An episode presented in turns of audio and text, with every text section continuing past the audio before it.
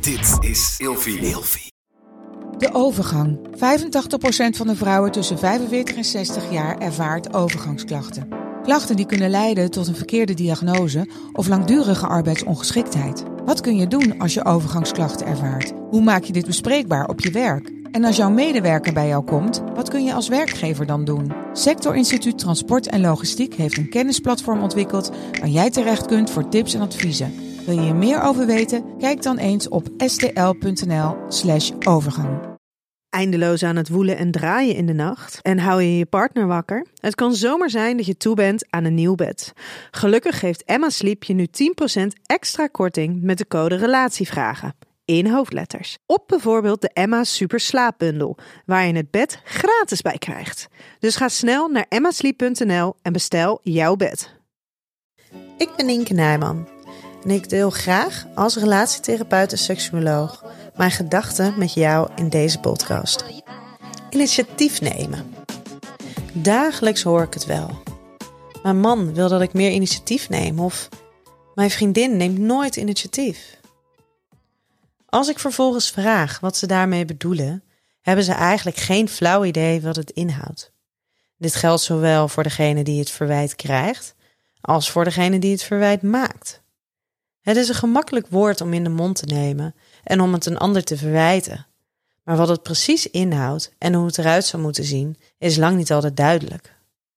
Volgens de Vandalen betreft het de eerste stap of aanzet.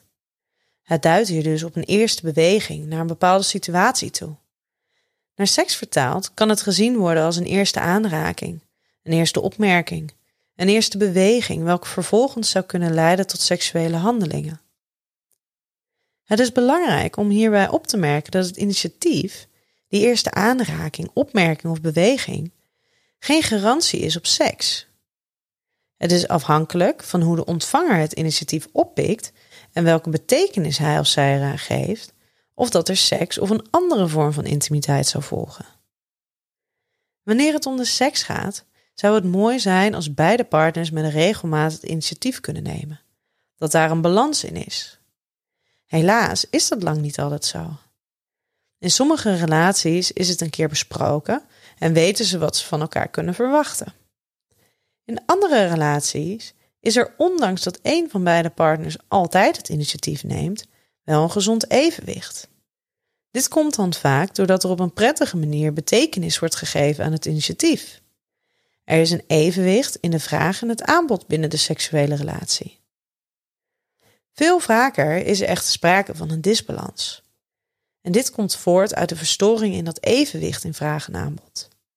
De een vraagt heel veel om intimiteit of seksualiteit, maar de ander is veel minder vaak bereid om dit aan te bieden. Het klinkt wat hard, maar het is wel wat er gebeurt. Vanuit deze verstoring komt vaak de wens van het initiatief nemen naar voren.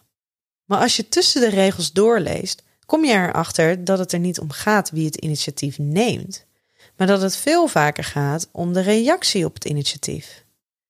Niet iedereen voelt zich even comfortabel in het nemen van initiatief, of weet hoe ze dit op een leuke manier kunnen invullen. En in hoeverre moet je hen dan in een positie dwingen om initiatief te gaan nemen? De reactie die op het initiatief volgt is veel belangrijker maakt vaak dat een partner zich onzeker gaat voelen. Door niet in te gaan op het initiatief wijs je iemand af. Soms wordt het gevoel van afwijzing minder als je het dagelijks hoort. Of biedt de relatie genoeg basis om bevestiging uit andere aspecten te krijgen.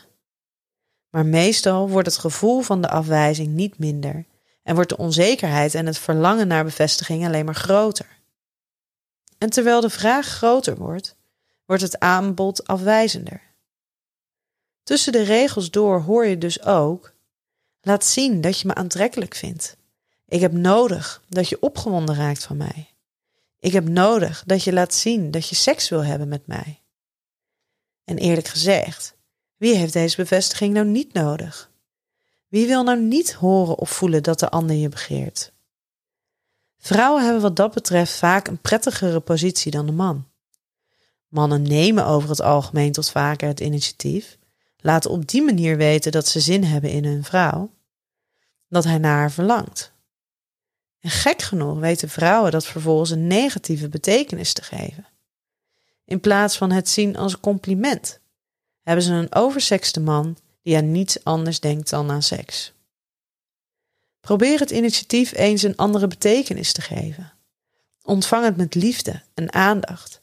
En wie weet, krijg je er wel een heleboel liefde en aandacht voor terug. Je kan het natuurlijk altijd met je partner bespreken. Wat wordt er van jou verwacht en wat verwacht jij van de ander? Vind je het misschien wel heel fijn dat je partner juist het initiatief neemt, zodat jij daarop in kan haken? Bespreek het, want dat mag namelijk best binnen een relatie.